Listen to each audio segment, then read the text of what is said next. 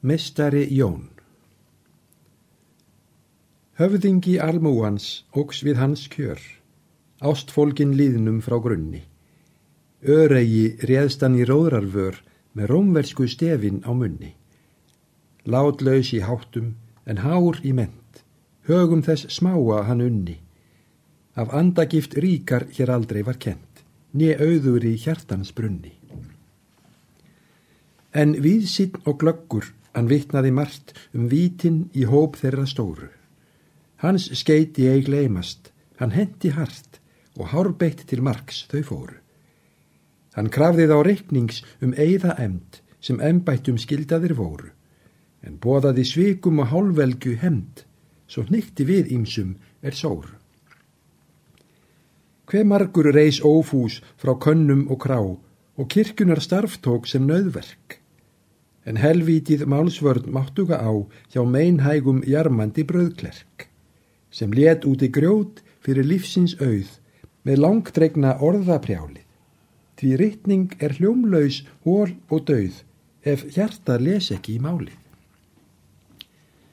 En voldugast tjón henni trúandi þjóð var tildur þess prestvígða hróka, sem hræstnandi flár við Guðs fótskör stóð að fylla út hempunar póka.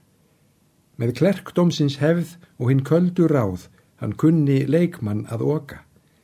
En sóknin um himneska huggun og náð var hungruð til æfi loka. Mestari fólksins jamt fyrrum sem nú, förum hans herra og bróðir. Hann signir hér ennþá byggðir og bú, þar brenna þær forn helgu glóðir. Við bæina dvelja bændur og hjú, þótt bekkir verði nú hljóðir. Á hillunni er bók, hún boðar trú sem blessar og reysir þjóðir. Hann þegir ef fjandlega forvitnin spyr, þeim fræðum let Vítalín hafnað. Hann klappaði aldrei á djöfulstýr, neð draug ærði Kristina safnað. Hann lísti sín háborð í helgi og kyrð, tótt heimstöðrum væri hann búinn, en sveið ekki vangi hjá vítis hyrð, hans vegur til sannleiks var trúinn. Hans köllun skal lifa í kirkjunar stjett. Hann klerka vors lands stendur hæstur. Hann virti ei strángleik við hana létt. Hann vissi einn prest sem er æðstur.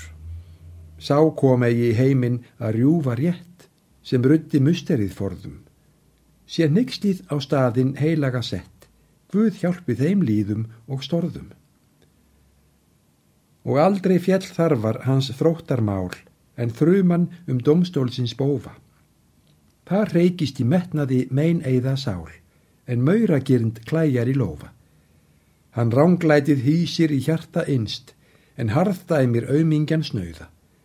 Hvað sjálfur hann framti, þess síðar skal minnst, Guðs són tekir lifand og dauða. Um samsekt í þögn yfir þjóðarvömm var þungur lestur hans reyði.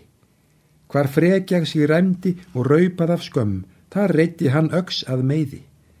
Hver ílgresi banvænu byður líf, hann bælir og traðkar í eyði. Sé drepinu hlúð, vissnar heilbrikt líf, en hemdin grær á þess leiði. En finnst sem hann verndi hinn víða reit, svo vakir oss nær hans andi.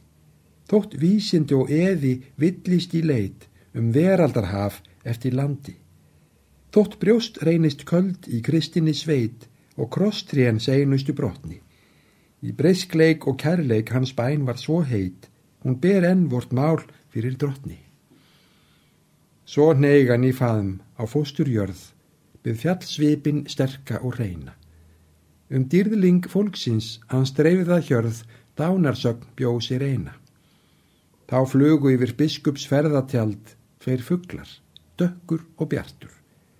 Þar áttu hitt góða og illavald einvík og tapaði svartur. Hann talaði vonlausum tröst og kjark á tungu sem hjartað skildi. Það reist hann sér andans aðalsmark sem aldrei máist af skildi. Hann knæfiði sem hæðin með hjartsins fald, svo harðger en brosti af mildi. Hans mistara orð á þann eld og það vald sem ei líft varir í gildi.